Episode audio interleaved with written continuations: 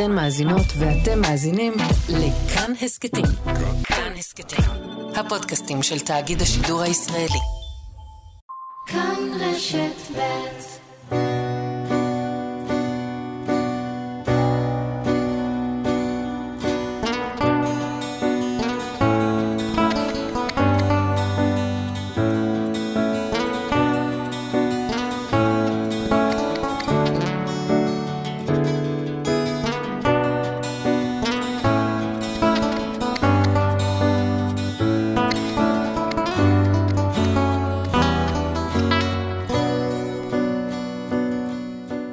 שבת שלום. פעם כל אימא רצתה שהילד שלה יהיה עורך דין או רופא. היום, כך נדמה, הטובים הולכים להייטק, ולכל ישראלי, מנהג מונית ועד פרופסור, יש רעיון לסטארט-אפ. לי דווקא אין רעיונות לסטארט-אפים, והתעשייה הזאת מעוררת אצלי גם סקרנות וגם, אם נודה על האמת, איזו רתיעה. למה אנשי הייטק חייבים לשרבב מילים באנגלית לכל משפט שלהם בעברית? האם יש ליזמים טכנולוגיים אידיאולוגיה מלבד לעשות את האקזיט, שאגב, בעברית אקזיט זה הנפק, למדתי היום. והאם יש במדינה שלנו בעצם שתי כלכלות, כלכלה אחת למי שעובד בהייטק וכלכלה אחרת למי שלא? שני יזמים צעירים וחדורי אידיאולוגיה היו האורחים שלי היום בשניים. מיכל רויזמן כבר הספיקה להיות מעורבת בשני סטארט-אפים חדשניים בתחומים מפתיעים, דבורים וטרקטורים. יובל סאמט הקים את חברת RiseUp שפיתחה אפליקציה שעוזרת לאנשים להתנהל נכון כלכלית ולצאת מהמינוס. בואו נצא לדרך, או כמו שאומרים בהייטקיסטית מדוברת, יש go.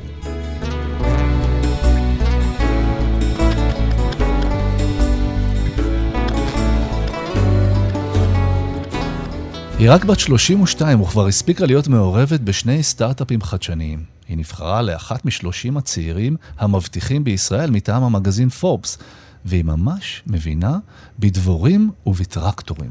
שלום למיכל רויזמן. שלום, שלום. שמועה גונבה לאוזניי שבכלל רצית להיות שחקנית. נכון.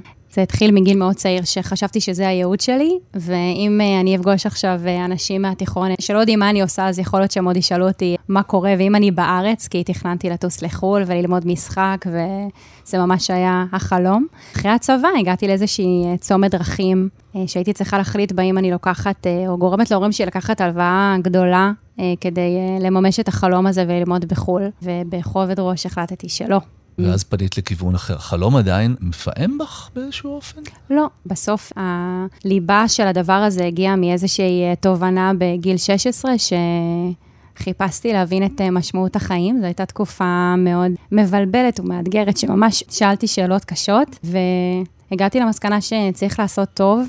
חשבתי שאני אצליח לעשות טוב דרך זה שאני אממש את הייעוד שלי במשחק, אצליח מאוד, אני אוכל להשפיע תהיה לי איזושהי עמדה והשפעת כוח, ואז כעבור התקופת זמן הזאת, כשהייתי צריכה לקבל את ההחלטה, אז הבנתי שמה שחשוב זה הליבה, זאת אומרת, אה, למצוא משהו שאני אוכל אה, לעשות בו טוב לעולם, אה, ויזמות זו דרך מצוינת לעשות את זה. אפשר בעולם היזמות להשתמש בכישורי משחק? כשאת מציגה רעיון, את צריכה לשחק את זה קצת? לדעת להציג טוב, זה יתרון מאוד גדול. יש תחרויות, יש כנסים, ובטח אה, כשנמצאים מול משקיעים וצריך אה, להציג את הרעיון שלך, לדעת לספר את הסיפור בצורה טובה זה יתרון מאוד גדול. אבל כשאתה מאמין ברעיון הזה, אתה לא צריך לשחק את המשחק. זאת אומרת, אני לא אה, נכנסת לאיזושהי דמות. אני חושבת שרק במקומות ה storytelling זה, זה עוזר. הפתעת אותי מקודם, שדיברת באמת על משהו שמניע אותך, שהוא הרצון לעשות טוב. אני לתומי חשבתי שמה שמניע סטארט-אפיסטים זה רצון לעשות אקזיט. או היום למדתי את המילה בעברית לאקזיט, הנפק. הרצון לעשות הנפק. לא הכרתי את המילה הזו.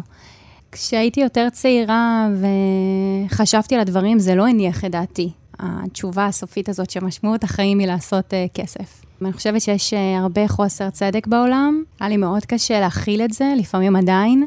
והמחשבה הזאת שהחיים פשוט יעברו ואני אעבוד באיזושהי עבודה ואצליח או לא אצליח כלכלית, רק בשביל, לא יודעת, שיהיה לי תיקים או מכוניות או בתים, אני לא יודעת, לא הניחה את אה, דעתי. לעשות כסף כדי uh, להשתמש בו במטרות טובות, לא רק לעזור למשפחה הגרעינית שלי, שזה משהו שהוא מאוד חשוב לי ונותן לי המון מוטיבציה, אלא לעזור למעגלים uh, קצת יותר רחוקים ממני, עשה לי יותר היגיון. ואני מקווה שככל שאני אצליח יותר, אני אוכל לעזור ליותר אנשים. אז בוא נדבר על התחומים שנכנסת אליהם, וגם על המוטיבציות שלך בתוך התחומים האלה. איך הגעת להתעסק בדבורים? וגם לא גדלתי במושב, וזה היה רחוק ממני, וכמו הרבה אנשים, חשבתי שהתפקיד אה, של דבורים הוא לייצר דבש, וזה לא ככה, ותכף נגיע לזה. האמת היא שהייתי בתוכנית יזמות, אה, אחרי הלימודים שלי אה, בבינתחומי, ששמה למטרה לקבץ אנשים שכל אחד מגיע מתחום אחר, והרעיון הוא שיקימו מיזמים המתמודדים עם אתגרי המאה ה-21. פגשתי שם אה, מי שלימים הפכו להיות השותפים שלי בהקמת המיזם. אחד מהם, אה, דור שני למגדלי דבורים בארץ, שסיפר לנו על אה, בעיה מאוד גדולה שנקראת התמוטטות המושבה או היעלמות הדבורים, זה השם היותר פופולרי שלה. בעצם העובדה שבשנים האחרונות דבורים מתות. והתפקיד המרכזי של דבורים בעולם הוא האבקה. ייצור דבש הוא בעצם איזה סייד אפקט של הדבר הזה. כשמבינים את התפקיד הגדול של האבקה והעובדה שכל ביס שלישי שלנו תלוי באבקת דבורים, הבנו כמה, זה באמת אתגר אה, של המאה ה-21 להתמודד איתו. בעצם ו... רעיון לסטארט-אפ תמיד מתחיל בבעיה שצריך לפתור? כן, איזשהו צורך. אה, ככל שהצורך הזה יותר כואב לאיזשהו יוזר, אה, משתמש בעולם באיזשהו תחום, אז יש סיכוי שהפתרון יצליח, זאת אומרת, החברה יותר תצליח. בדרך כלל מה שיזמים מנסים לעשות זה לזהות את הצרכים האלה, לנסות להיכנס לתוך הנעליים של אה, אותו משתמש. לאו דווקא, במקרה הזה אני לא הייתי דבוראית ולא גדלתי בעולם הזה, אה, וזה היה איתי ואבא של איתי שחשף אותי לעולם הזה, וניסינו באמת להיכנס לנעליו. אז מה באמת עשיתם? מה באמת הפתרון שהצעתם? אז מה שעשינו בבירו זה לקחנו מקבץ של סנסורים, לדוגמה, טמפרטורה, אה, לחות וסאונד. הכנסנו אותם אה, לתוך כוורות והתחלנו לאסוף מידע. זאת כוורות עד הנקודה הזאת לא היו ממוחשבות ומסונסרות בשום צורה? בכלל לא. איתי תמיד אהב להגיד שהטכנולוגיה האחרונה שנכנסה לעולם אה, מגדלי הדבורים הייתה הטנדר. ממש הקופסאות הלבנות האלה שאנחנו רואים חסרות טכנולוגיה לחלוטין, והאמת שהאופן שבו מטפלים בהם מתבסס ברוב הפעמים על אה, ניסיון ואינטואיציה. מה שאנחנו רצינו לעשות זה להכניס טכנולוגיה ולעזור למגדלי הדבורים אה, לדעת מה מצב הקופסאות הלבנות האלה ומה מצב אה, הדבורים, ולכן באמת הכנסנו את הסנסורים לתוך הכוורות. הטכנולוגיה כבר קיימת, הסנסורים מאוד זולים, מאוד נגישים. התחלנו לאסוף מידע. מידע הזה נשמע בהתחלה כמו כלום ושום דבר, זה בעצם מה שאנחנו קוראים לו raw data. מידע גולמי. מידע גולמי לחלוטין, אבל כשאוספים כמויות שלו ומתחילים לנתח אותו ולהכניס אותו לכל מיני מודלים, מגיעות תבניות. מה בלט מאוד מהרגע הראשון שהגיעו, התחילו להגיע התבניות? אז בהתחלה הצלחנו לזהות מצבים יותר קיצוניים בכוורת. למשל, אם משהו קרה למלכה, זה מאוד משפיע על הכוורת. או אם יש אה, איזושהי מצוקה, זאת אומרת, יש איזושהי מחלה שנמצאת בתוך הכוורת. לאט לאט מצאנו דברים קצת יותר מעניינים שקשורים בעצם לדור השני, לוולד שנמצא בכוורות. עכשיו אה, אנחנו כבר יודעים להגיד את מספר החלות שיש בכוורת, חלות הדבורים, חלות הדבש, כמה הכוורת חזקה. ויש לזה השפעה ישירה על ההאבקה שהכוורת הזאת מסוגלת לעשות. ככל שהכוורת יותר חזקה, ההאבקה שהיא עושה היא טובה יותר ומשפיעה באופן ישיר על הגידול. כל זה עוזר באמת היום לדבוראים שמשתמשים במערכת הזאת להיות יותר מצליחים עם הכוורת שלהם? כן, אז מה שאנחנו עושים היום, זה בעצם נותנים את הסנסורים שלנו למגדלי דבורים שעובדים איתנו, והכוורות האלה בעצם מושכרות לצרכים של האבקה. אה, זה קורה בעיקר בארצות הברית, שם יש, אה, הכוורות האלה בעצם עוברות מגידול לגידול לפי עונתיות.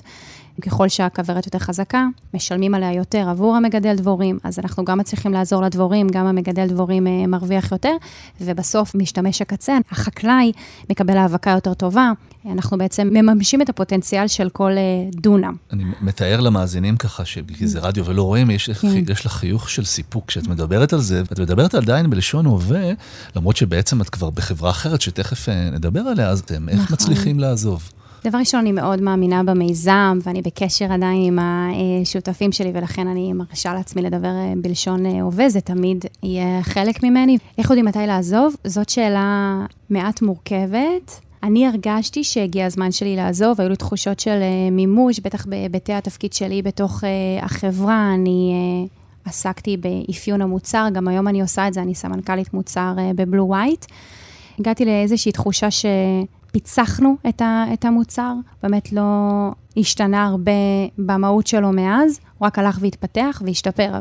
תמיד יש קולות מהסביבה אה, שאומרים, איך עוזבים משהו שהקמת, ומה יגידו, ומה זה אומר, ועוד כל מיני אה, אמירות כאלה. אני חושבת שנדרש אומץ בכלל אה, בחיים להיות כנים עם עצמנו, לשאול את עצמנו שאלות קשות של מה נכון ומה לא נכון. אנחנו חיים פעם אחת, צריך לעשות את זה, לנסות להיות כמה שיותר מדויקים עם עצמנו. את יודעת, זה נשמע שבחיים המקצועיים שגרה לא ממש אה, מושכת אותך. בחיים הפרטיים את אה, גם אדם שככה מנסה לשבור שגרה כל הזמן, או שדווקא את חוזרת הביתה ונוח לך עם הטקסים הקטנים וה- והשגרתיים שלך? זאת אה, תובנה מאוד מעניינת שאתה משקף לי עכשיו, אה, כי אני מאוד אוהבת שגרה, ושגרה מאוד חשובה לי. אני אוהבת לתכנן, אני עושה את זה גם בעבודה, אבל גם בבית. יש לי אה, יש לך יומן... טבלאות אקסל בבית? יש לי יומן כן? משותף עם בעלי, תמיד רשימות, לפני שאנחנו נוסעים להורים עם הילדה, תמיד אני אהיה עם הרשימות שלי, ותכנון אה, מראש מאוד חשוב לי, תמיד הייתי כזו. גם חופשות את מתכננת נגיד? יש אה, כזה טבלת חופשה ומה... הכל, הרבה זמן לא היינו בחופשה, אבל הכל, באמת, זה משהו שעושה לי מאוד אה, רוגע. כנראה בגלל שבחיים יש הרבה חוסר יציבות, אז העוגנים האלה עושים לי הרבה רוגע.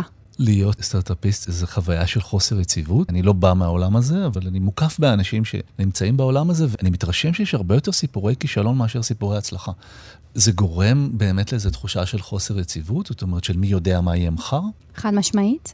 תלוי באיזה שלב אתה בתוך המיזם. אני חושבת שבהחלט לא מדברים מספיק על הכישלונות. הסטטיסטיקה היא כן נוטה לכישלון, אבל תלוי מאיזה נקודה אתה מסתכל. זאת אומרת, כמעט כל ישראלי שתפגוש ברחוב יגיד לך שיש לו רעיון למיזם.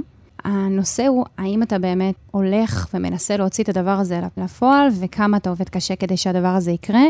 בסוף זה תמיד נופל בדברים האלה. צריך מאוד להאמין במה שאתה עושה. כל יום כשקמים בבוקר יש הרבה נקודות שבירה.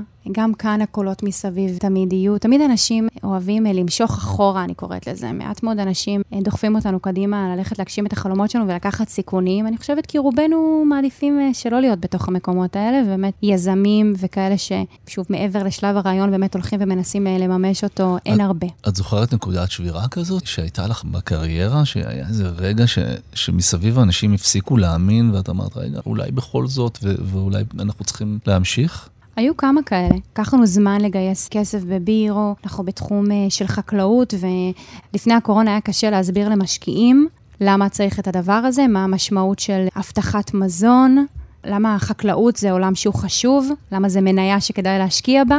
אחרי הקורונה דברים השתנו, אבל היו שם הרבה מאוד נקודות ששאלנו את עצמנו שאלות קשות, ועבדנו בלי משכורת הרבה מאוד חודשים, והיו סיטואציות מורכבות, מאוד. השותפים שלי נדרשו לעשות רילוקיישן לארה"ב, ושניהם היו הורים. זה ממש סיפור סינדרלה, וכשמסתכלים בדיעבד, אז אתה קורא לזה חוויה. אבל כשאתה בתוך הדבר הזה, אתה צריך לענות לעצמך על שאלות מאוד קשות, ולהסתכל לאנשים שיקרים לך בעיניים, לבקש עזרה מהמשפחה שתתמוך. זה לא פשוט. זה קשה יותר להיות אישה בתעשייה הזאת? כן. למה? כן. אני חושבת שזה יותר מורכב. נתחיל במשהו מצחיק שאני תמיד אומרת, בכנסים בהייטק ובמשרדים של הייטק, זה המקום היחידי שבו אין תור בשירותי נשים. אני חושבת שבסוף אין מספיק נשים. כשאין ייצוג מספק, אז קשה למצוא דוגמאות, לקבל לגיטימציה לכל מיני דברים שבין נשים הם מאוד לגיטימיים, מאוד ברורים מאליהם. אז נוצרות סיטואציות יותר מורכבות. ויש גם את הסביבה, שלפעמים יכולה להרים גבה, מה זאת אומרת? את אימא, ומה נכון. זה השעות עבודה האלה, נכון? זה גם יכול להגיע. נכון. אני אימא צעירה, בת שלי עוד מעט תהיה בת 11 חודשים, אני עוד מתרגלת לכל הדבר הזה. יש לי זכות מאוד גדולה לעבוד עם אנשים שהם פמיניסטים, פשוט להאמין בשוויון ממקומות מאוד עמוקים, או להיות פתוחים לנקודות האלה שאולי משהו שנאמר היה לא במקום. או איזושהי מחשבה הייתה לא, לא במקום. הפתיחות הזאת היא מאוד חשובה כדי שנתקן דברים. כשמתעלמים מהדבר הזה ומנסים להתנהג כאילו הכל בסדר ואנחנו שווים לחלוטין, זה לא טוב. את מדברת על אמירות שנגיד מופנות כלפי אישה בסיטואציה של עבודה. זה אמירות, זה כל מיני ציפיות. אני חושבת שצריכה להיות הרבה קבלה. אני כל הזמן אומרת שנשים וגברים הם שונים, הם שווים אך שונים, והשוני הוא דבר שצריך לחגוג אותו. ודבר שצריך להעצים אותו, כי כל אחד ואחת, הם מביאים דברים שונים לשולחן. היו שנים בתחילת הדרך שלא ידעתי איך אני צריכה להתנהג. אני רגישה ועדינה. חשבתי שאני צריכה לדבר בצורה יותר אגרסיבית. לא ידעתי להבדיל, לא ידעתי איך אני מוציאה מעצמי את האסרטיביות לעומת האגרסיביות. Mm. איך אני צריכה להתלבש? למה השותפים שלי יכולים לשים טישרט ואני צריכה לשים חולצה מחויטת כדי להילקח ברצינות? ועם הזמן מצאתי את המקום שלי.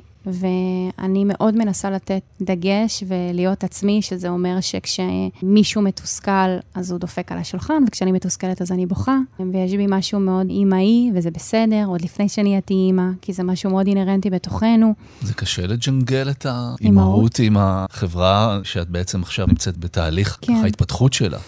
כן. חשבתי שיהיה לי יותר פשוט, כי נגיד כשהקמתי את המיזם, את בירו, אז אמרו מהצד, את לא תצליחי, או... אני הייתי עושה מצגות שחברים שלי היו יוצאים אה, לפאב, אז ידעתי שאני אצליח, כי אמרתי, זה עניין של תעדופים. אה, חברים טובים ידעו להגיד לי, את תראי שזה לא יהיה לך פשוט, כי את מאוד טוטאלית. כמו שאת טוטאלית בעבודה, את תרצי להיות טוטאלית באימהות שלך, וזה נכון. ובשנייה שפגשתי אותה, פתאום הבנתי שאני צריכה להיות טוטאלית בשני מקומות, אז איך אתה מאה אחוז בשני מקומות? וזה מעין משחק כזה, אה, שאני עדיין אה, מפצחת אותו. בנוסף לכל זה בעצם נכנסת לתחום ש... תקני אותי אם אני טועה, הוא תחום גברי, התחום של הטרקטורים. Mm-hmm. מה, איך הגעת לטרקטורים ואיזה בעיה אתם מנסים לפתור? חקלאות בכלל אה, במובן מסוים היא גברית יותר. לא רוצה להגיד איזושהי אמירה דיכוטומית ושמישהו שמאזין לנו ייפגע. טרקטורים באמת היה משהו שהיה יחסית רחוק ממני, בדיוק כמו דבורים. זה משהו שמאוד מאפיין אנשים שעוסקים במוצר, לומדים איך ללמוד עולם תוכן חדש. זה נכון גם ליזמים, אבל זה נכון גם לאנשים שעוסקים במוצר, באפיון ובעיצוב שלו, שאתה צריך אה, להיטמע וללמוד תחום מאפס. זה קרה גם פה. מה שעניין אותי כאן, אה, ומשך אותי יותר מאשר הטרקטורים, זה האנשים שיש בחברה והתחום. מה אתם מנסים בעצם לפתח? אז אני חושבת שנכון להתחיל מהבעיה. ומהצורך, כמו שאמרנו קודם. אז אה, אוכלוסיית העולם גדלה, ואין לנו יותר שטחים לגדל עליהם מזון. אנחנו צריכים מכל שטח שכבר אנחנו מגדלים עליו אה, מזון, אה, לעשות את זה בצורה יותר טובה. אנחנו אוהבים להגיד מדייקת ומדויקת, כשמכניסים טכנולוגיה לתוך התחומים האלה. תוסיף לזה אתגר של חוסר בכוח אדם. במקרה של טרקטורים, אנשים לא רוצים להיות נהגי טרקטור. זו עבודה שהיא מאוד סיזיפית. כשאתה גם עושה עבודת ריסוס, אז לא מאוד בריאה. ואם אתה שואל אותי, אז מתוך כל הניסיון בעבודה עם אה, רובוטים, אני רוצה להגיד שזו עבודה שפחות מתאימה למאה ה-21. לשבת 8 אה, או 12 שעות בתוך טרקטור ולעשות אה, פעולה אחת במהירות יחסית איטית, זה דבר שהוא לא פשוט. כל הדבר הזה מוביל אותנו בעצם לנסות לחפש פתרון, והפתרון הזה מגיע מהטכנולוגיה. מה שאנחנו עושים ב Blue White, זה שיצרנו kit שהופך כל טרקטור קיים לאוטונומי. אנחנו בעצם מרכיבים את ה kit הזה על הטרקטור. אנחנו משתמשים בבוכנות, צמות חשמליות וכולי, כדי להחליף את הרגליים והידיים במרכאות של הנהג. אה, שמים אה, מחשב, מוח, שמחליף את היכולת שלנו לראות ולהבין איפה אנחנו נמצאים. בעצם אה, המחשב והתוכנה שלנו, האלגוריתמיקה שלנו, מאפשרת לרובוט לנווט בתוך מטע. להבין איפה הוא נמצא, שהוא בתוך שורה, שהוא יוצא משורה, איך הוא פונה, לאן הוא פונה, איך הוא עושה את המשימה שלו בצורה מדויקת. וכל הדבר הזה בעצם מתחבר לאיזושהי מערכת שליטה ובקרה, כי אנחנו רוצים באמצעות עמדה אחת לשלוט בכמות של טרקטורים, בצי של טרקטורים, ובעצם להתמודד ככה עם בעיית כוח האדם. אוקיי, אז בעצם גם איזה ניסיון לפתור את uh, בעיית המזון. נכון. זאת אומרת, יש קו מחבר בין הדברים שאת עושה. אנחנו מתגלגלים ככה לתוך השאלון המהיר. אני שואל אותך שאלות uh, קצרות, ותעני ככה ממש בקצרה ובחדות, מה העצה הכי טובה שקיבלת מאימא שלך או מאבא שלך? העצה הכי טובה שקיבלתי מההורים שלי היא לעשות כל דבר שאני עושה בצורה הכי טובה. לא משנה מה אנחנו עושים, לעשות את זה בצורה הכי טובה, ואני לוקחת את זה איתי ומשתדלת בכל דבר, עד המצגת, אה, לעשות הכי טוב. איפה הבית השני שלך? בבית של ההורים שלי, בבית שגדלתי בו בחדרה. יש סדרה של ערבים שנקראת uh, Fuck Up Nights, אנשים עולים על הבמה ומספרים על כישלונות שלהם. אם היית צריכה להשתתף בערב הזה, אז ככה בקצרה, על מה היית מספרת? היו לי הרבה סיטואציות שהבנתי בדיעבד, ולא ניכנס לסיטואציות האלה, שחשבתי שאני על מיוט ולא הייתי. עד כדי ישיבות הנהלה, ישיבות אה, צוות, שפשוט אמרתי דברים וחשבתי שאני על מיוט, או צחקתי ו... אוקיי, כן, אוקיי. אני צריכה להשתפר בזה. אוקיי, אני ממש יכול לדמיין את זה. מתי בפעם האחרונה בכית? זה קורה הרבה. מי מבקיא אותך? אני מתרגשת מדברים בקלות, אני בוכה גם מדברים שמרגשים אותי ולא רק מעצב. אני חושבת שזה היה לפני יומיים, הייתה לי איזושהי שיחה עם אה, בעלי, גם בהקשר של הילדה. פשוט מהתרגשות, מזה שהיא איתנו ושלנו. מתי בפעם האחרונה התגלגלת מצחוק? בסוף שבוע עם אה, אחיות שלי, יש לנו הומור שלנו משותף, פשוט הצחיק אותי. כמה אחיות אתם? יש לי אח גדול ויש לי שתי אחיות קטנות. אוקיי. האם הכרת את בן זוגך דרך אפליקציה? לא, הכרתי אותו דרך שידוך. לא שיטה יכול להיות. מה- עתיקה הרבה יותר. מה זה ה old school הזה? זה לואו-טק. זה עובד, חברים, זה עובד. ממש כזה חברה שאמרה לחבר כן. שאמר לזה, אתם צריכים כן, להיפגש? כן, וואי, וואי, כן, וואי. מה זה? מהמאה הקודמת. ועבד. קפוץ מאה אחת קדימה, האם רובוטים השתלטו על העולם כמי שעסקה ברובוטים אה, בעבר? האם את חושבת שזה יקרה?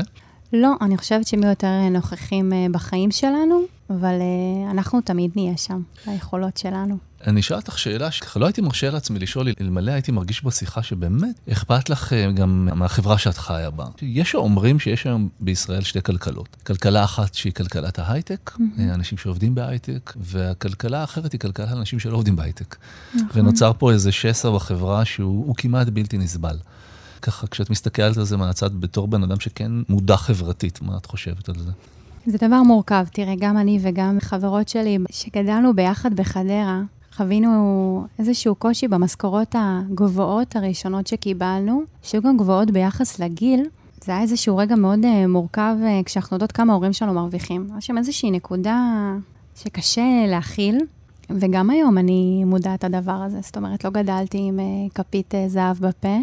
מצד אחד אה, ההייטק מושך את הכלכלה שלנו, ואני נמצאת בו הרבה מאוד שנים, ויש לו חוקים משלו. אני יכולה להגיד לך שלפעמים אה, יש דברים שעד כדי אה, מגעילים אותי. גם פה, בתוך העולם הזה. בתוך העולם הזה, בו, נכון. בזבזנות וערב חברה בחצי מיליון שקל נכון, וכזה. כן. נכון. וגם פה אני כל כך שמחה על זה שאני עובדת בחברה שנמצאת עם רגליים על הקרקע. מאיזה משרד אנחנו בוחרים להיות בו, לאיזה מתנות אנחנו מחליטים לתת לעובדים שלנו, ומה אנחנו בוחרים לשים במטבחון. הכל צריך להיות באיזשהו איזון, ואני חושבת שזה משהו שאנשים צריכים אה, לשקול ב- בעבודה שלהם, אבל אתה יודע, כל אחד ולאן שהוא לוקח את זה. נמצאת עם הטרקטור על הקרקע, אין, אין, גם אין עם ברירה. הטרקטור, נכון? אני לא מאמין שלאדם שהוא יזם באופיו, אין כבר איזה חלום ש- שיושב לו בראש. איזה בעיה בא לך לפתור? איזה בעיה בעולם את רואה? שאת אומרת, "Hmm, אולי לא עכשיו, אבל בעוד כמה שנים מעניין אותי להיכנס לזה. הנושא של uh, הצעדים הראשונים בהורות, אני חושבת שלא מספיק מטופל, ואני חושבת בכלל שהעולם הזה שנקרא פמטק, בעצם uh, טכנולוגיה שקשורה לנשים ונשיות, לא מספיק מפותחת. אני מניחה שזה יהיה בעולמות האלה. מעניין מאוד מה שאת אומרת. זאת אומרת, אול- אולי משהו שיעזור לאנשים בתוך הצעדים הראשונים האלה, שבאמת אין, אין שום משהו שמכין אותך לזה. נכון. לפעמים האימא, זאת אומרת, הסבתא, נכון. נכון. כבר בפועל היא זאת שעושה את החניכה. נכון מאוד. זוכר את עצמי בשנה הראשונה של הילדה הראשונה שלי כל כך מבולבל. נכון. טוב, מעניין לראות אם, אם יש לזה פתרון טכנולוגי, וברגע שיש אז תודיעי לנו ונזמין אותך להתראיין שוב. אנחנו מסיימים תמיד בהמלצה לשבת, בואי דווקא נרחיק מתחום הטכנולוגיה. משהו שאת רוצה להמליץ למאזיננו, או לעשות, או, או מקום לבקר בו, או לקרוא, או לראות סרט, הבמה שלך. אז אני אספר למאזיננו על סוד של חדירתים born and raised, שיש אה, חוף, אחרי חוף אולגה, אחד יותר דרומה, שמגיעים אליו אה, כשבעצם ממשיכים מעט דרומה, אחרי החוף המוכרז. רגע, שנייה, אני, זה מה שאני הולך לעשות בשבת. באיזה מחלף אני יורד? ממש יורד כאילו אתה נוסע לאולגה. לחוף אולגה, כן. פשוט ממשיך עם הרכב. כיוון השמורת טבע שיש שם. יש שם כביש אחד, אין לאן להתבלבל, יש שם עכשיו שכונה חדשה שנקראת עין הים. החוף שלה, זה חוף שחדרתי מאוד אוהבים, הוא בתולי לחלוטין, בטח שאין שם הצלה. מה שאנחנו אוהבים לעשות, מה שאני אוהבת לעשות באופן אישי, זה דווקא לעלות למעלה, יש שם אה, אה, צוקים כאלה, ורואים שם פשוט מרבד שלם של אה, ים. אני מאוד אוהבת לחשוב שם, זה עזר לי בנקודות משמעותיות בחיים. המלצה שלי בזמן שקיעה, בסוף שבוע. אוקיי, אני ממש הולך לבדוק את העניין הזה. הבעיה היא כשאתה ממליץ על משהו ברדיו, הוא יכול להיות המוני, נכון. ופתאום כולם יהיו דווקא בחוף נכון. של עין הים. בוא נראה. טובת אה, המאזינים שהיו איתנו, מגיע להם את הטיפ הזה. לגמרי. תודה על השיחה הזאת. תודה לך. ואני רוצה לאחל לך שתשמרי בתוך כל העולם הזה שאת נמצאת בו, גם על העדינות שבאת איתה לשיחה הזאת, וגם על איזו תחושה שיש לי שאת כן מאוד קרובה לליבה של המשמעות אה, בתוך העבודה, שתצליחי לשמור על זה בתוך עולם שהוא לפעמים אה, יכול להיות אה, קשוח. תודה רבה. בהצלחה. תודה. You're broken down and tired of living life on the merry-go-round. And you can't find a fighter, but I see it in you, so we gon' walk it out. Move mountains. We gon' walk it out and move mountains, and I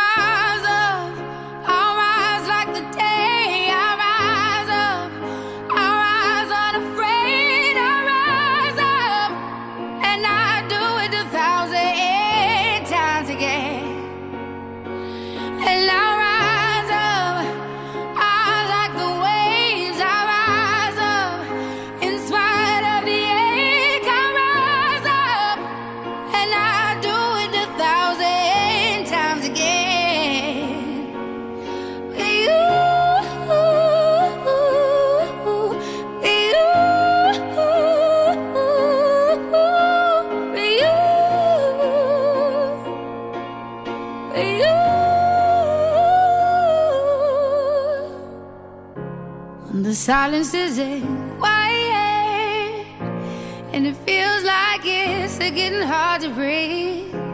And I know you feel like dying, but I promise we'll take the world to its feet. Move mountains, bring it to its feet.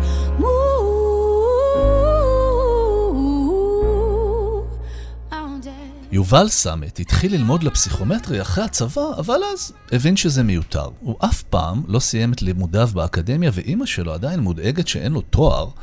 אבל בינתיים הוא מכר בגיל 28 חברה לניהול סיכונים שהקים עם אחיו לבנק שוודי, ולפני כמה שנים, ובשל כך הזמנו אותו לשניים, הקים את חברת רייזר, שמציעה שירות דיגיטלי שמאפשר לשלוט בהוצאות ועוזר לעשרות אלפי משפחות בישראל להתנהל נכון כלכלית ולפעמים גם לצאת מהמינוס. שלום, יובל. שלום, שלום וברכה. לפני שנכיר את המיזם, אז, אז קצת רציתי להכיר אותך. חרדה כלכלית או דאגה ממינוס, זה משהו שאתה אה, גדלת איתו? זה משהו שמוכר לך? זו הייתה המציאות שלנו, שגדלנו ב downtown פתח תקווה של שנות ה-80. אבא דור שני לשואה, אימא נולדה במעברה, ובעצם כשאתה חושב על המציאות הכלכלית בשנות ה-80, עם האינפלציה, עם כל העניינים, מן הסתם הרבה כסף לא היה בבית. מינוס היה דבר שהיה מאוד נוכח, הוא היה אורח מסביב לשולחן השבת. אז בהחלט גדלנו עם חרדה כלכלית. מנגד, אה, למרות שלא היה הרבה כסף, ההורים שלנו גידלו אותנו עם תודעת שפע מאוד גדולה, אה, ותחושה שהכל אפשרי בעבודה קשה. אז אני חושב שגם במציאות כזאת של חרדה מכסף, אפשר לעשות הרבה כדי שזה לא יעיב עליך ביומיום ממש. היום אני- כשאתה עומד מול אה, כספומט, אתה מחובר לילד שהיית? וואו, ממש, עדיין, בעומק. עדיין יש בי את החשש הזה של אה, מה יהיה. אה, ואני חושב שגם במסע הזה אה, שלי עם כסף ושלי עם יזמות, ובאמת בשיחות עם אלפים רבים של אנשים, הבנתי שכסף הוא בעיקר עניין מנטלי, פסיכולוגי. עניין אה, רגשי. ממש עניין רגשי, זה יושב עלינו כבד, זה גורם לנו להתנהג בצורה שהיא לא רציונלית, שהיא אמוציונלית ממש. ומתוך uh, כבוד לעובדה הזאת, הבנתי שיש הרבה דברים שאפשר לעשות כדי לשנות את האופן שבו אנשים חווים כסף. אני, אני רק אחלוק איתך באמת את התחושה שאני, אחד מהדברים שאני אוהב לעשות זה לצוטט לשיחות של אנשים. זה גם חלק מהמקצוע שלי, את התירוץ שאני צד סיפורים. כן. אז הייתי אומר ש... 50% מהשיחות שאני מצוטט להן עוסקות בכסף, 50% עוסקות בסכסוכים בתוך המשפחה. עכשיו, לפעמים זה גם מתערבב, זאת אומרת, כן. זה סכסוכים בתוך המשפחה בגלל כסף. אני מסכים איתך, זאת אומרת, כסף יושב לנו על, על רגש, על עלבון, על, על חרדה, על, על כל הקשת הזאת. אני חושב שיש עוד נקודה חשובה בנוגע לכסף, והחוויה שלנו היום, בכלל הנושא הכלכלי, שאתה חושב על איך אנשים מתנהלים היום עם כל נושא ה-well-being, ואוכלים קינוע ועומדים על הראש וקופצים לתוך אמבט קרח, כל זה כדי לייצר קצת אה, headspace, אה, peace of mind, שלווה ונחת וכולי. הבסיס של well-being הוא ה-well-being הכלכלי, זה ממש בבסיס של המאסלו של כל אדם. האקדמיה ללשון קרא לזה שלומות. אנשים עושים ממש מעט כדי לשנות את המצב הכלכלי, אבל הם כן יעמדו על הראש שעות כדי להשיג peace of mind. Mm. אז אני מאמין שצריך לשנות את התמונה הזאת, בעצם ליצור financial well-being בחיים שלנו, להבין שזה משהו שנכון להתעסק בו, וזה לא חייב להיות מבאס ומדכא ומעלה חרדה, ושם בעצם אני רוצה להיות בשיחה עם אנשים. ועוד דבר חשוב אה, לזכור, שכל מה שהיה רשת ביטחון מבחינתנו בעבר, פשוט נשחק וכמעט נעלם. תחשוב, מה הייתה רשת הביטחון הכלכלית שלנו? דבר ראשון, המשפחה הרחבה, אולי בעבר, בשבטיות, אבל זה הולך ונעלם מהעולם, אנשים הופכים להיות הרבה יותר אינדיבידואליים וגרים בערים וכולי. קביעות במקום העבודה, אין קביעות? אין קביעות. סניף הבנק המקומי, המנהל, מנהלת הסניף הכירו אותך ויכלו לעזור לך. הכל הפך להיות דיגיטלי וקר ומנוכר. שלא לדבר על זה שבעצם הדור של ההורים שלי, נגיד, היה עוד יכול לעזור לילדים, והדור נכון. שלנו, אנחנו נתפלל שנוכל לעזור לילדים. היכולת נשחקה ממש אה, בצורה מאוד מאוד אגרסיבית, ואז השאלה איך אתה בונה בחזרה את ה-safety network, את רשת הביטחון, וכאן הסיפור בעצם מתחיל. בוא נחזור לסיפור שלך, זאת כן. אומרת, איך בכלל אתה מגיע לזה? אתה יכול למקם אותי במקום ובזמן שבו אתה אומר, hmm, יש לי רעיון. אז הרעיון של RiseUp אפילו לא היה רעיון שלי, כי אנחנו בחרנו ממש תחום של בעיה, וכצוות עבדנו מאוד קשה כדי להבין איך אפשר לפתור מי אותה. זה אנחנו? אני וה-co-founders שלי, המייסדים השותפים שלי בחברה, חנן רובין, שהיה איתנו ממש בתחילת הדרך, תמרה אה, ויפתח, יחד הקמנו את RiseUp. אני מאוד מאמין בעבודת צוות, אני מאמין בצוות בתור היחידה האורגנית, נקרא לזה ככה, שמצליחה לפתור בעיות משמעותיות ולייצר ערך בעולם. אני פחות מאמין באינדיבידואליזם בהקשר הזה, ויצירתיות באה לידי ביטוי בצורה הכי טובה ברגע שאתה מציב בעיה אטרקטיבית בפני צוות. אז הבעיה שהצבתם הייתה, אנשים סובלים מ- מחוסר ביטחון כלכלי. אז אנחנו ממש הצבנו את הבעיה של אנשים לוקחים מלא הלוואות, ולא ברור איפה זה עומד להסתיים, וצריך לעזור להם לשנות את הטרנד מספירלה שלילית, שגורמת לנו לתחושות קשות ולהחלטות לא טובות, לספירלה חיובית. כי בעצם החיים מובילים אותך בצורה כזאת שיהיו נפילות בדרך, פשוט כדאי שהנפילה, לצורך העניין, תיעצר במקום גבוה יותר. עכשיו האינפלציה והמיתון שמתקרבים ובאים עלינו, עומדים להכניס אנשים למעגל של חרדה שהם לא נתקלו בו בחיים. בדיוק אשתי ואני דיברנו הבוקר על קפה, על זה שאף פעם לא נתקלנו במציאות של משק במיתון. אנחנו לא מכירים את זה בתור אנשים בוגרים.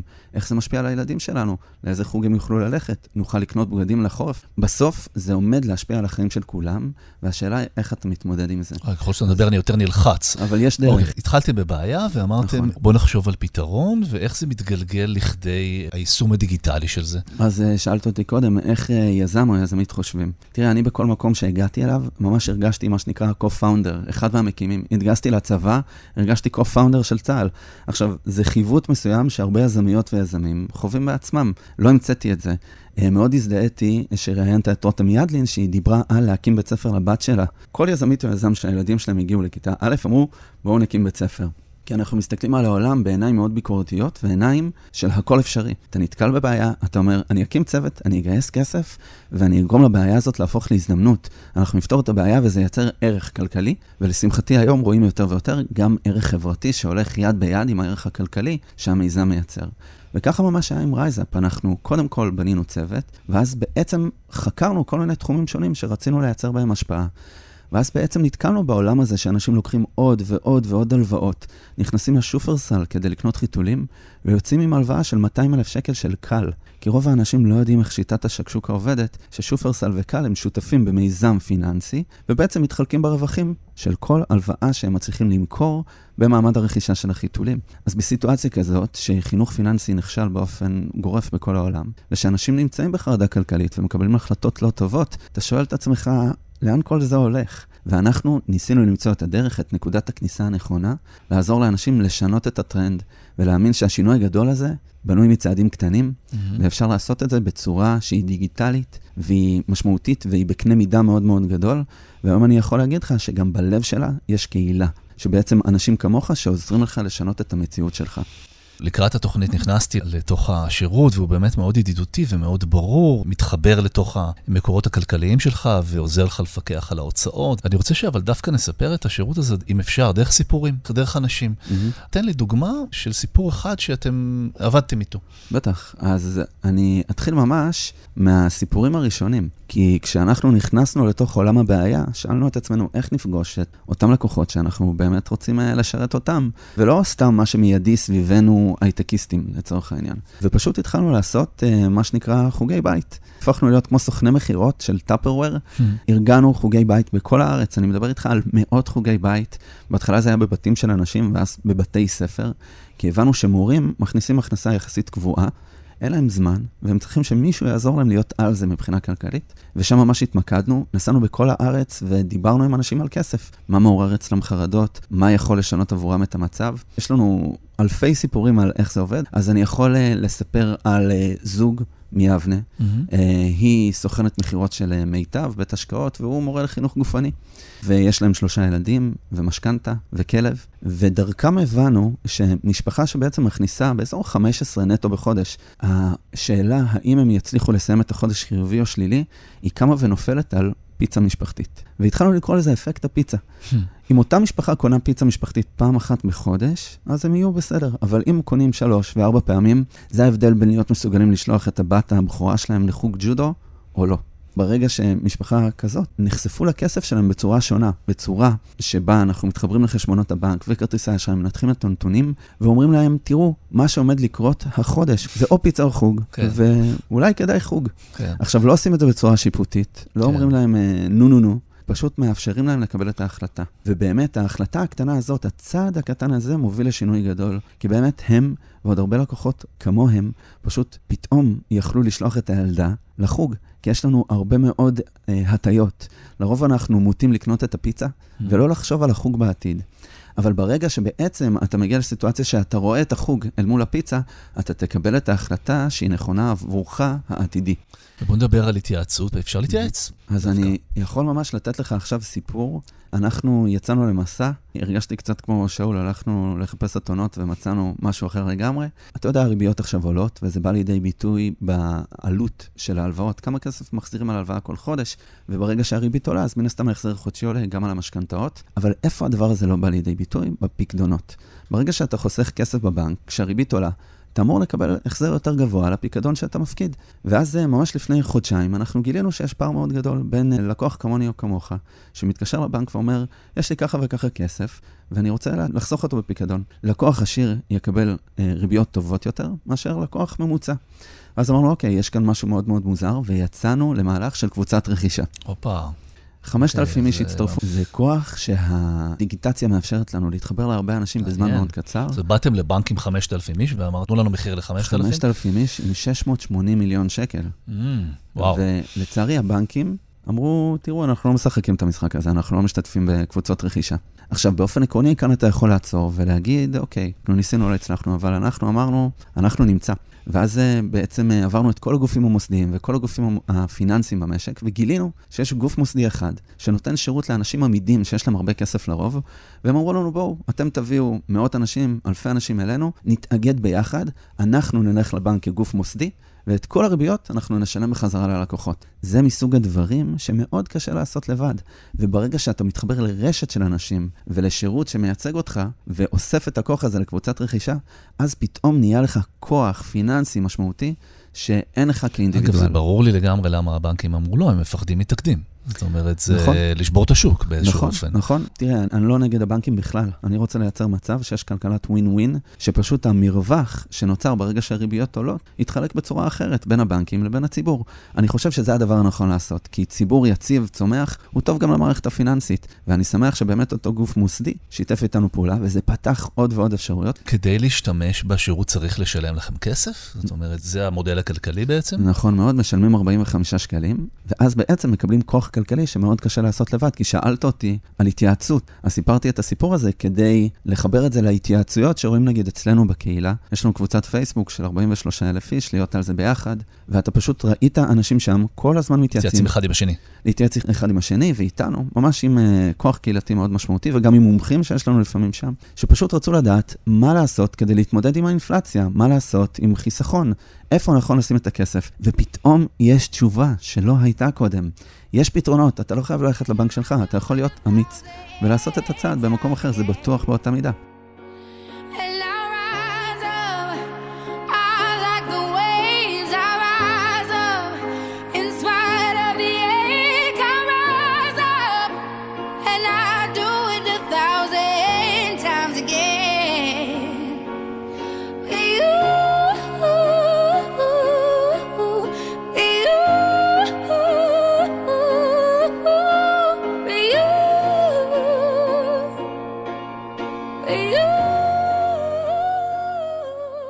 שיר uh, משמעותי מבחינתנו.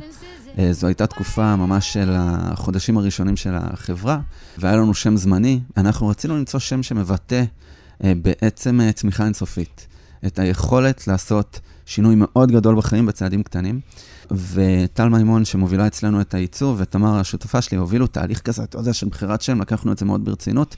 ובאותה תקופה, באחת מהתוכניות טלוויזיה, כוכב נולד או משהו כזה, הייתה אישה מדהימה, בת 27, אם חד-הורית, עם שני ילדים, שהייתה לה פרידה קשה, והיא עלתה לבמה עם, אה, אתה יודע, כפכפי אדידס ולבוש פשוט, והיא פתחה את הפה והיא הביאה ביצוע מדהים של השיר Rise Up, ואז תמרה וטל באו חזרה לצוות ואמרו, יש לנו שם. Hmm.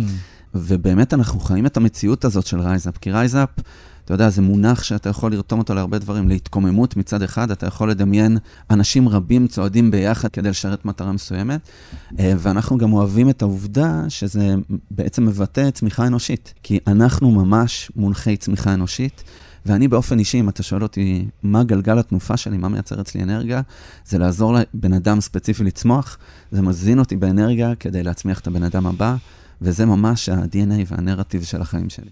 כן, אנחנו מתגלגלים לנו לשאלון המהיר. אז קודם כל, נתחיל איתך בטיפים. אתה כל הזמן שומע סיפורים של אנשים. יש כבר עשרות אלפי אנשים שמשתמשים בשירות של רייזאפ, והדברים חוזרים על עצמם. אז תן לנו שלוש נקודות, ממש בקצרה ובפשוט, של איך עושים את הרייזאפ הכלכלי הזה ממצב שבו אתה נמצא במצוקה, בבלבול, בחרדה. שלושה צעדים ראשונים, מעולה. מאת יובל סמט. אז כמה דברים מאוד פשוטים ואולי לא שגרתיים. אז דבר ראשון, יש טריק מנטלי שעוזר לאנשים לחסוך יותר כסף, וזה מה שנקרא באנגלית Save More Tomorrow. מאוד קשה לנו להתחייב על עצמנו היום, הרבה יותר קל להתחייב על עצמנו העתידי. מאוד פשוט. קנית מקרר בעשרה תשלומים והוא עלה נגיד 2,000 שקלים. אתה כבר רגיל להוציא 200 שקלים בחודש באופן קבוע, אז תתחייב על אשכול העתידי, שעומד לחסוך את אותם 200 שקלים ברגע שתסיים את התשלומים.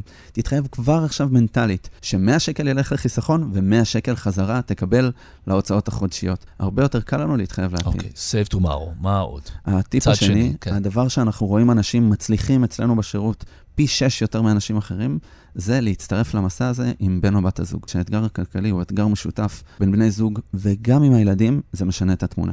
הטיפ השלישי, תצטרפו לקהילה.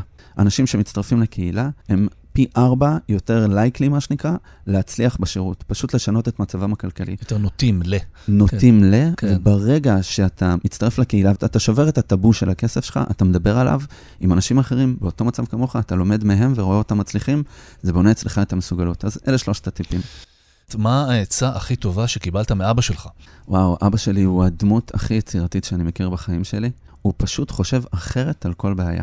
הוא זכה בהרבה פרסים בתעשייה הצבאית בזמנו, בתור מישהו שהיה ממש בפס ייצור, ואני פשוט למדתי ממנו, דרך העשייה, איך לחשוב בצורה לא שגרתית על בעיות. כל דבר תמיד היה לו פתרון לא שגרתי, ועדיין יש לו פתרונות לא שגרתיים, וזה מדהים בעיניי. אתה עוד מתייעץ איתו לפעמים? אז הוא פחות uh, בעולם הדיגיטלי שלנו היום, אבל אני בהחלט מדבר איתו על הדברים, מתייעץ איתו על איך הוא מקבל החלטות, וזה מרתק בעיניי. אוקיי, אמא שלך עדיין רוצה שתעשה תואר?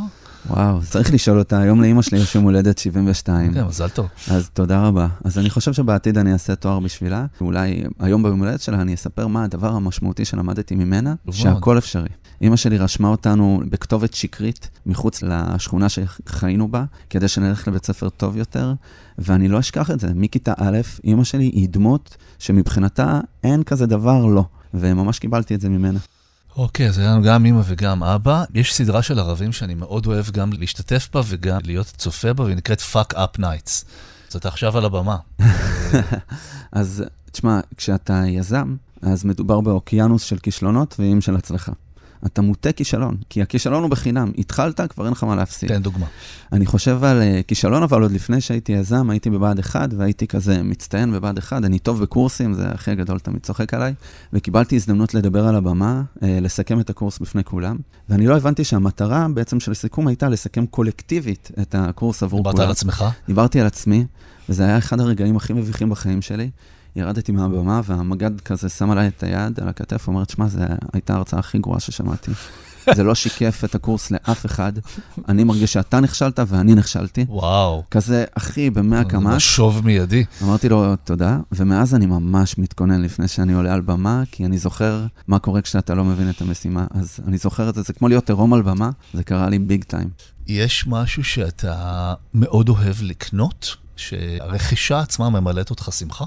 כל דבר שקשור בטיולים בטבע, תשחרר אותי על רשת טיולים כזאת, אני מאושר באדם. אתה נכנס לריקושט, זה מסוכן לתזרים. מסוכן מאוד לתזרים, ואני צריך לבוא מאוד נקודתי. אז יש לי ממש טקס שאני קונה פעם בשנה מוצר של פטגוניה, כי זה מותג מדהים בעיניי, גם מבחינת השירות החברתי שלו, אה, וגם מבחינת איכות הדברים, כי גם יש אה, מהות של מחזור בפטגוניה, ואתה יכול להעביר את המוצרים הלאה. אז מבחינתי מדהים. כל שנה אני משתדל לקנות אייטם אחד, וציוד רכיבה על אופניים. כל מי שרוכב על אופניים למרחקים, יודע שזה דבר מהותי. קשה לעמוד בפיתוי. הזכרת פטגוניה, אז, אז איפה הבית השני שלך בעולם? זאת אומרת, איזה מקום בעולם הוא, הוא מקום שאתה מרגיש בו בבית? תראה, שוודיה היא הפכה להיות בית שני בשבילנו, חיינו שם, ואחי הגדול גר שם עם המשפחה שלו, אז בהחלט בסטוקהולם אני מרגיש בבית, אבל באמיתי, במדבר. כאילו, כל מקום שאני מגיע אליו, שהנוף הוא מדברי, רועם, כבד כזה, עשיתי את שביל ישראל לבדי, והקטע במדבר בין מצפה רמון לבין הערבה, מבחינתי היה יום-יומיים של וואו, שם אני ממש מרגיש בבית, קשה לי להסביר אפילו עד כמה. התחלנו ככה בכסף ורגש, ואנחנו חוזרים אל הרגש לקראת סוף השיחה. Mm-hmm. למי או למה אתה מתגעגע? לשמחתי, האנשים הכי חשובים לי בחיים עדיין בחיים, ואני פוגש אותם הרבה, וזה מאוד משמח. אני חי מאוד בהווה ומסתכל קדימה. מסתכל על העתיד, מעניין. אני ממש, ממש כזה. אה, מתי פעם אחרונה בכית? שחבר טוב, אבא שלו נפטר בגיל מבוגר, בשיבה טובה, ושבוע אחרי זה אימא שלו נפטרה, מצער. וואו. זה שבר לי את הלב ממש. התקשרתי, עכשיו זה עולה לי כזה, התקשרתי לאשתי, ליעלי, לספר לה על זה, ופשוט אה, הייתי חנוק. כן. לשם איזון, מתי פעם אחרונה התגלגלת מצחוק? ומי מצחיק אותך? אה, הילדים שלי מאוד מאוד מצחיקים אותי. הם שניהם, אה, יש להם אה, חוש הומור כזה טוב. אני חושב שאתמול אה, יעלי שלחה לי הודעה שעמית, הבת הגדולה שלנו, שלחה לה. היא כתבה לה משהו, עשיתי את כל מה ש freaking ביקשתם ממני. וחשבתי שזה מדהים שהיא מדברת איתנו ככה, וזה חצוף ואני אוהב את זה. אני מקווה שהשיחה הזאת, זה לא יעצים את זה, אבל ממש, אה, I cracked up כזה. אין אה, ברירה אלא לשאול מה החלום הבא. אז כשאני מסתכל על רייזאפ, אני מסתכל על חברה ל-30 שנה. הרצון שלי לחולל שינוי חברתי באמצעות סטארט-אפ, הוא בא לידי ביטוי במה שאנחנו עושים ברייזאפ. חייתי במחסור, דרך ההייטק שיניתי את המצב שלי, הכלכלי, התודעתי, ועכשיו אני מרגיש שאני מחזיר חזרה לחברה בהרבה היבטים, והלוואי שיהיו מאות אלפי ילדים שיחוו את החוויה שאני חוויתי. אני מקווה שרייזאפ תהיה מנוף, מה שנקרא, גורם משמעותי משפיע על מוביליות חברתית בישראל, שאם נולדת במיקוד מסוים, זה לא יכתיב את העתיד שלך, אלא אתה תוכל לסמוך על מבוגר אחד לפחות בחיים שיש לו נחת רוח כלכלי ובכלל, שיכול לעזור לך למצוא את הנתיב שלך. אנחנו מסיימים תמיד עם האורחים שלנו בטיפ לשבת, כלומר, בהמלצה שיכולה לבוא מכל התחומים. אז יש לי טיפ שהוא קצת טרנדי, אז אני אולי אשמע קצת uh, קלישאתי. אנחנו לקחנו את אבא שלי ללונדון ליום הולדת 70, בשנתיים איחור עם כל הקורונה, אני ואחי הגדול אוהד ואחי הקטן נדב. אז בילינו ביחד ארבעה ימים בלונדון, והיה מדהים, באמת, כיף חיים. להגשים לאבא חלום זה דבר שאפילו לא דמיינתי אי פעם איך זה נראה. וזו הייתה חוויה מדהימה. טיול בנים אה, בעצם. טיול בנים, ואבא שלי הוא טבח, הוא מטבח אה, ביוטיוב, יש לו ערוץ ומלא עוקבים וזה, והיה לו חלום לאכול באיזה מסעדה ספציפית שם, ונסענו לשם ואכלנו והוא היה מאושר. ולאורך כל הסוף שבוע, הפסקול של הסוף שבוע היה תקליטים, כי במקרה בחדר במלון היה פטפון. הופה. וזה היה כיף ממש, ויום אחד אבא שלי שולח לי תמונה של מתנה של פטפון, אנלוגי, מונו, ויש לי אותו עכשיו בבית, פרוס כמו שצריך בסלון. שבת בבוקר עם תקליטים של פעם, כזה okay. אוקיי. אריק ושלום, הגרסה המקורית, לשמוע Let It Be של הביטלס וכולי, אנלוגית עם, ה, אתה יודע, עם הסריטות הקטנות של התקליט. זה משהו שממלא לי את הלב, כל מי שאין לו פטפון, רוצו תקנו, אבל תעשו את זה בדרך הנכונה, כן. האנלוגית. לפני שאתה קונים, תבדקו אם זה לא בא על חשבון חוג. לגמרי, אה, מאוד חשוב. תודה רבה לך, יובל סמט. אני מקווה שבאמת השיחה הזאת, אני מקווה שהיא תוביל אנשים לא להתבייש לדבר על, על נושאים כלכליים. אני חושב שיש שם עדיין המון בושה בלהודות בזה שקשה לך. תודה רבה, ושינוי גדול זה דבר שמתחיל בצעדים קטנים, אז פשוט צריך להתחיל עם הצעד הראשון. תודה.